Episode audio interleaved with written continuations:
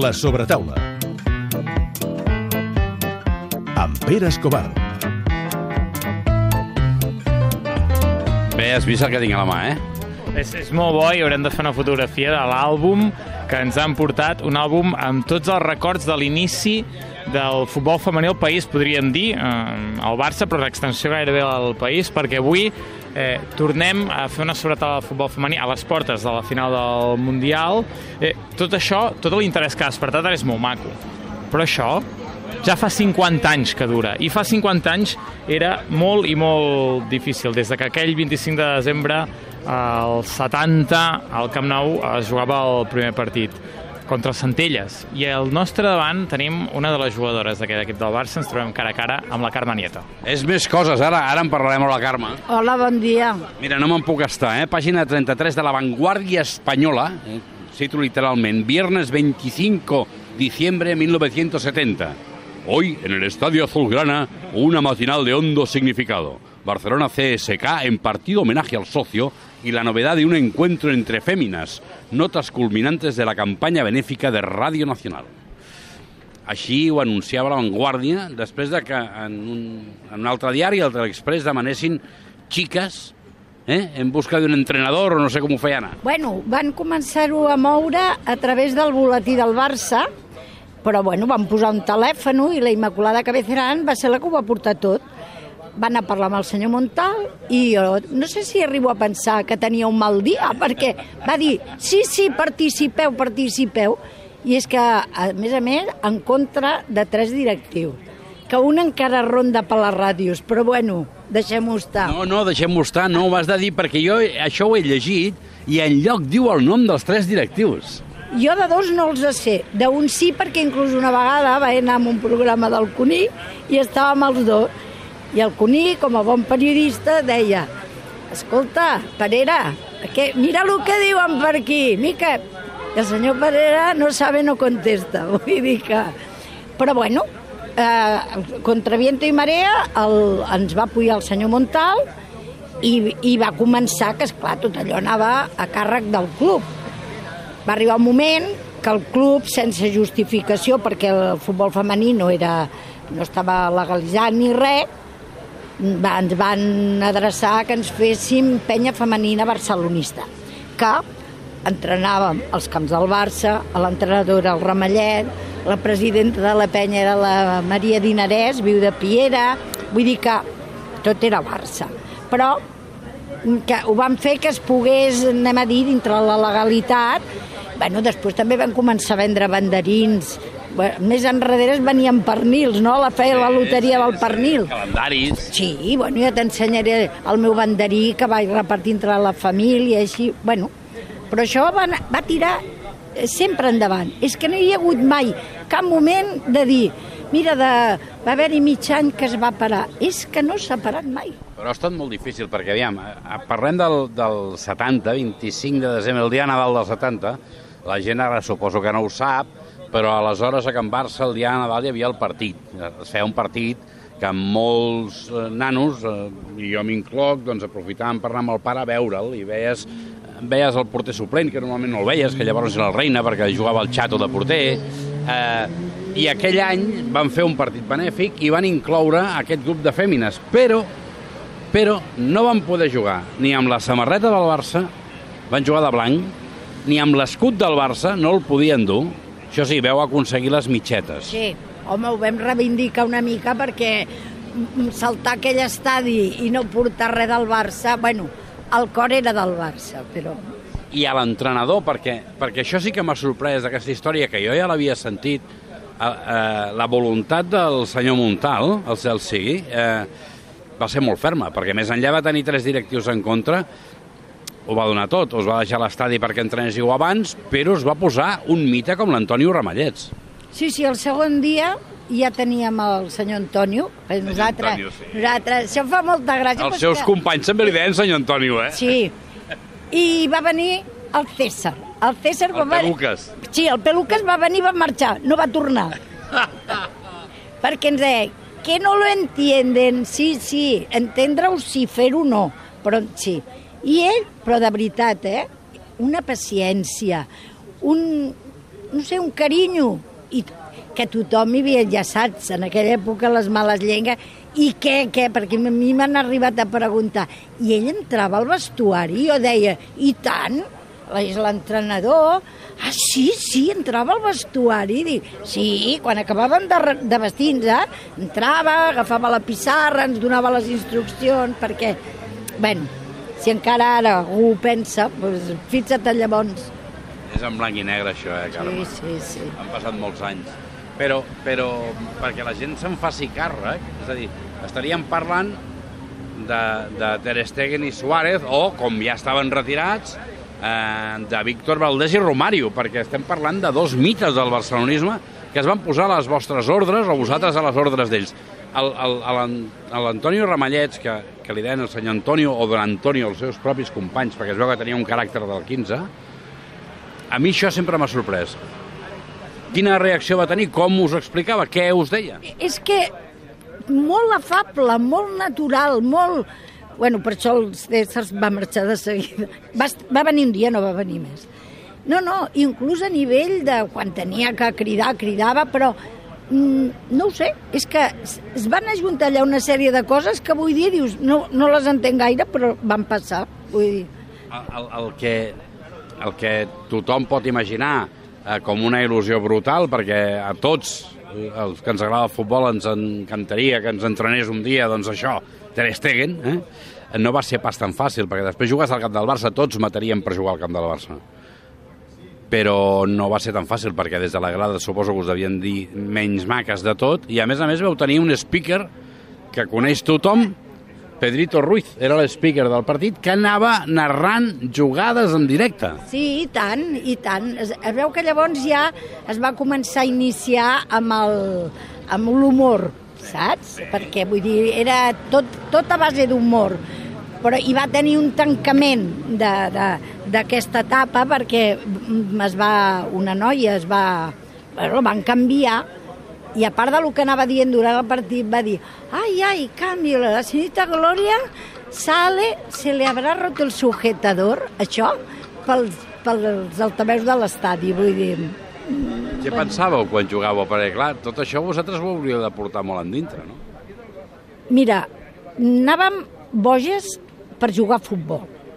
Mai a la vida ningú, de, perquè ens continuem veient i, i són sòcies de l'agrupació, les noies que van jugar, vam pensar, diu, i ara fixa't on esteu. És que no ho vam pensar mai.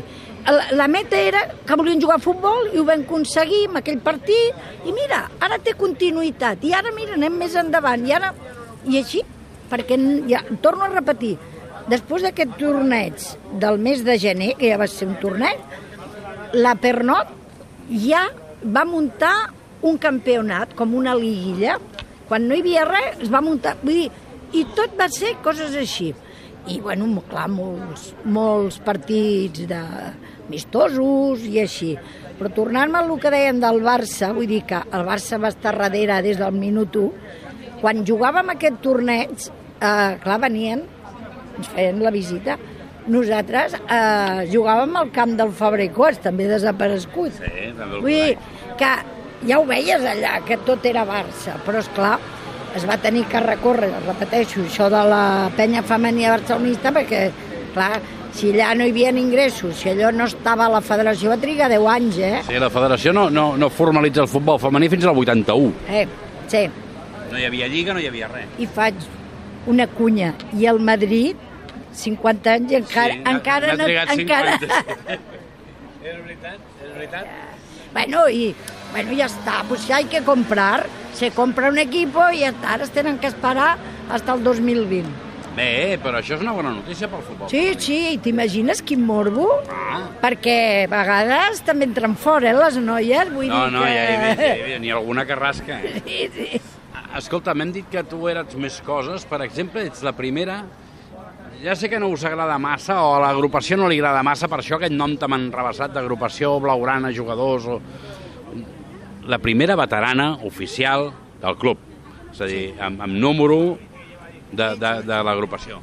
Sí, bueno, amb el número amb el que em tocava. Amb el que tocava, però la primera dona. Sí, sí, sí, sí. sí. A, a, en aquest partit d'homenatge que es va fer en el seu dia en els ramallets del Seguer, el senyor Ramó Salut, que era el secretari, m'ho va proposar i jo ràpid, on tinc que firmar, on tinc que firmar, no? Perquè, bueno, per mi tot el que sigui Barça és molt, ho porto molt a dins. I els veterans, eh, encara ara, dimarts i divendres, juguen.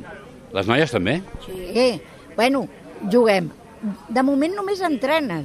Bé, fan Van partidet. fent, van fent partidets i així, però esclar, no hi ha, per, per similitud, no hi ha equips de veteranes. Clar, el, tornem a ser, el Barça és el Barça, però hi ha algun equip que sí que en té i es van fent partidet, doncs clar, que tampoc es pot pretendre que es posin a jugar eh, amb noies de 22 anys que, i que, jo que sé, que sigui un resultat que no, no, no perquè ni disfruten elles ni disfruten les nostres. Però bueno, que estiu i hivern, a cada divendres, en el camp 3 del Mini, no sé fins quan, perquè com que ara la cosa... Fins que el fotin a terra. Sí, pues, en- entrenen i ara en teoria s'acaba la temporada però es, elles continuen entrenant i si surt algun partit, pues, hi haurà partit.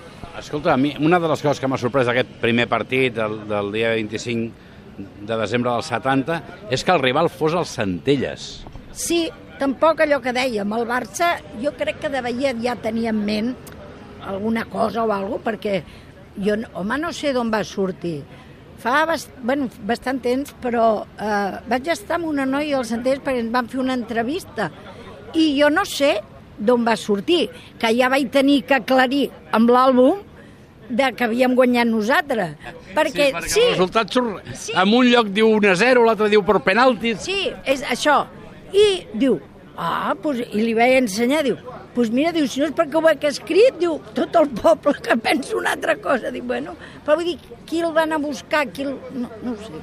I tu com hi vas arribar? Tu vas veure l'anunci al disc, al Teleexpress? No, jo, el, el, el boletí del Barça, El amb, un- boletí. amb un telèfon de la, la persona que anem a dir portava, que era la, la Immaculada Cabeceran, que bueno, ja no està entre nosaltres, que després va ser la, la senyora, després ja també exsenyora, del Pau García Castany. Sí, senyora. Sí, sí. Eh, I... Ui, ara ja... I a mm, casa, Carme, perquè a casa que la nena jugui a futbol... Bueno, a casa eren futboleros... Sí, però estem parlant de l'any 70, vull dir, do- Don Paco encara no l'havia dinyat, li, li faltaven 5 anys. Eh, aquesta ciutat meravellosa de Barcelona era en blanc i negre. Eh, jo tenia 10 anys. Eh, els capellans encara no els hi podia estirar una sotana perquè duien el vestit fins als turmells. Eh, Jo anava als frares, que eren una altra cosa. O sigui que es- estem parlant d'un d'un món molt en blanc i negre. Sí. Jo a casa no vaig tenir cap problema. El meu pare jugava a l'Europa i que havia jugat inclús amb el Ramallet. El meu germà sempre jugant a futbol. Clar, el meu germà estava una mica mosca perquè, perquè deia, mira, el Camp Nou, oh, i ara se'n van a València, i ara se'n van a Madrid. Va explicar una anècdota L'últim partit es va fer a Màlaga perquè era els organitzadors. I amb les copes i tal, no vam guanyar cap partit, però bueno. Vam perdre l'avió Màlaga-Barcelona. Bueno, clar, llavors, ep, hi havia unes quantes, nosaltres hem d'anar a treballar demà. Nosaltres no... Perquè la majoria de noies o tenien negoci a casa seva i, per això es podia venir, podien venir a entrenar, perquè entrenàvem a les 10. A les 10 del matí, jo em vaig polir un any de vacances, però jo vaig jugar.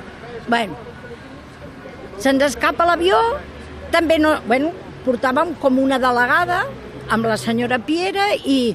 Bueno, bueno, ens vam quedar allà, venen, avió, Màlaga-Madrid, i, de, i Madrid, eh, Barcelona amb el Golfo, no sé, Sí. amb un avió d'hèlice, però bueno. I va dir, les quatre que necessiteu estar per nassos a Barcelona, pues demà. Arribem a Madrid, por favor, no se levanten de los asientos, eh, salida preferente para el equipo. I, baixem, mira, se'm pot la pell de gallina. tota la vida me'n recordaré. Com unes 15 persones a Baraja, així, agafats així, allí, allí, allí, allí, allí on tenim que anar. Un avió parat, en, amb les llums enceses fent xup-xup-xu, pugem a l'avió, a l'avió ple ja, o sigui, ens van esperar a nosaltres. Això per vosaltres devia ser Bueno, bueno, bo, perquè aquella, imagina't. a aquella època agafar un avió tampoc era tan normal. No, però per això no, no, no, però tot organitzat, saps? Es va, bueno, algú es va moure allà, o van trucar, a, o sigui, a l'avió, i, i quatre, doncs vam tornar, que precisament plovia, i amb allà amb aquell avió que semblava que caigués, però bueno, vull dir, van solucionar el problema. La, la Carme ara mira el Mundial femení. He mirat alguna cosa, sí. Però la veritat és que hi ha arribat un moment que estic bastant saturada i mirat mm, trossos determinats o... Bueno, he mirat Espanya, he mirat... És com ara el dels nois, que també... Eh, sí, eh, però a trossos. Ja... I el, I el Barça femení el mires? Sí, No, hi vaig. Hi vas. Vaig. Hi vaig. De moment hi vaig perquè és aquí a Barcelona. Quan tinguem que anar allà ja no ho sé perquè jo no tinc cotxe i un, per un dia puc dir, oi, veniu-me a buscar o tal, però... Bueno, de totes formes ja me n'atentaran perquè opcions per arribar allà ja hi són. Me'n van donar cinc, però totes acabes en 20 minuts caminant. I li vaig dir a la, a la, a la Maria Teixidor, li vaig dir, vols dir que aquí... Dic, escolta, que jo sé, la gent que ve al mini, encara que sigui un bon partit, dic, i allà dalt diu, sí, no, dic, ha algun autobús, dic que no us vindrà d'ara posar uns autobusos lanzadera, i ho va incloure al final, però bueno, esclar, d'aquí el que es faci jo... Què ha canviat del futbol aquell que jugaves tu al que hi ha ara? Per bé i per mal. Bueno, és que jo crec que avui dia es juga a futbol. Nosaltres ho intentàvem, que hi havia noies que en sabien, que jo no era una d'elles, eh? Jo havia jugat al carrer amb el meu germà. Què jugaves tu? Ai, la pregunta. Mira, jo quedo molt bé, perquè sempre dic de lo que podia. No, eh, amb el 4. Eh? Ja me la passava. Guardiola de l'època. Bueno, sí, però no precisament per ser com el Guardiola. Jo me la passava i deia, a veure, Aquí li torno. Aquí li torno, sí, aquí li torno, aquí li passo. Sí. Llavors, normalment li, li passava a la Lolita, que havia fet atletisme i corria. Llavors, clar, jo ja havia complert d'aquí a aquí i d'aquí que corrin les de més, sí, sí. No, hi havia molt bon ambient i ja hi havia noies que eren mares i en canvi van sortir articles al diari d'un metge amb nom, amb cognoms i la foto, eh, que està en aquest àlbum. Que, bueno, que igual per a la condició de la mujer, per tenir fills, que podia ser contraproduent i en, per, per descomptat antiestètico i esto no prosperarà i que jo el vaig intentar localitzar en aquest senyor i vaig, i vaig localitzar el fill però que no el vaig voler ja molestar però m'és agradat Ja no hi deu ser, aquesta. no, no, no hi és, no hi és.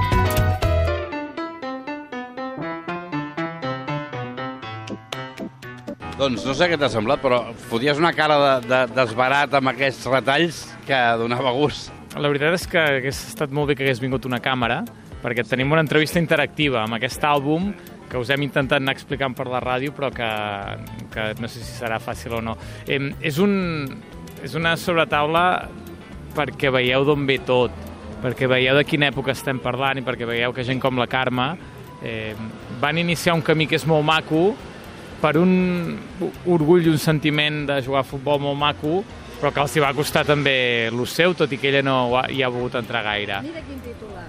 A veure, Ganaron por guapas de verdad. ganaron por guapas de verdad. És que Això, això sortirem el dia de la final Sí. i ens esquarteren, a tu i a mi. eh, ens veiem al calabós i, i menjant entrepans. Eh, ens queda molt clar que la Carme és una apassionada d'això i una apassionada del Barça. Mira el pin, Pere. Jo, jo... Aviam, és molt difícil d'explicar perquè, perquè hauríem de fer un curs d'història. Com jo l'he viscuda, amb prous anys com per recordar-ho, perquè amb 10 anys ja ets més o menys conscient de les coses, i, i quan passaves per davant d'una comissaria feia por, i passaves por, per davant de Via Letana passaves por, i quan veies un gris tenies por, ehm, i els senyors... el deies, I el els que- senyors duien bigoti, aviam què parles, si parles en català en castellà... I... Estem parlant d'un món en blanc i negre. El que han hagut d'aguantar aquestes dones, simpàtiques senyorites, eh, que m'atreviré a dir una cosa que potser la gent prendrà malament. No era mala fe, era incultura. Era incultura, no? Però sense elles, aquest Mundial que, que disfrutem ara, doncs no el tindríem. No el tindríem. Només van trigar 11 anys a reconèixer que allò que havien fet un 25 de desembre del 70 havia estat futbol. Carme, moltes gràcies. Al contrari, a vosaltres.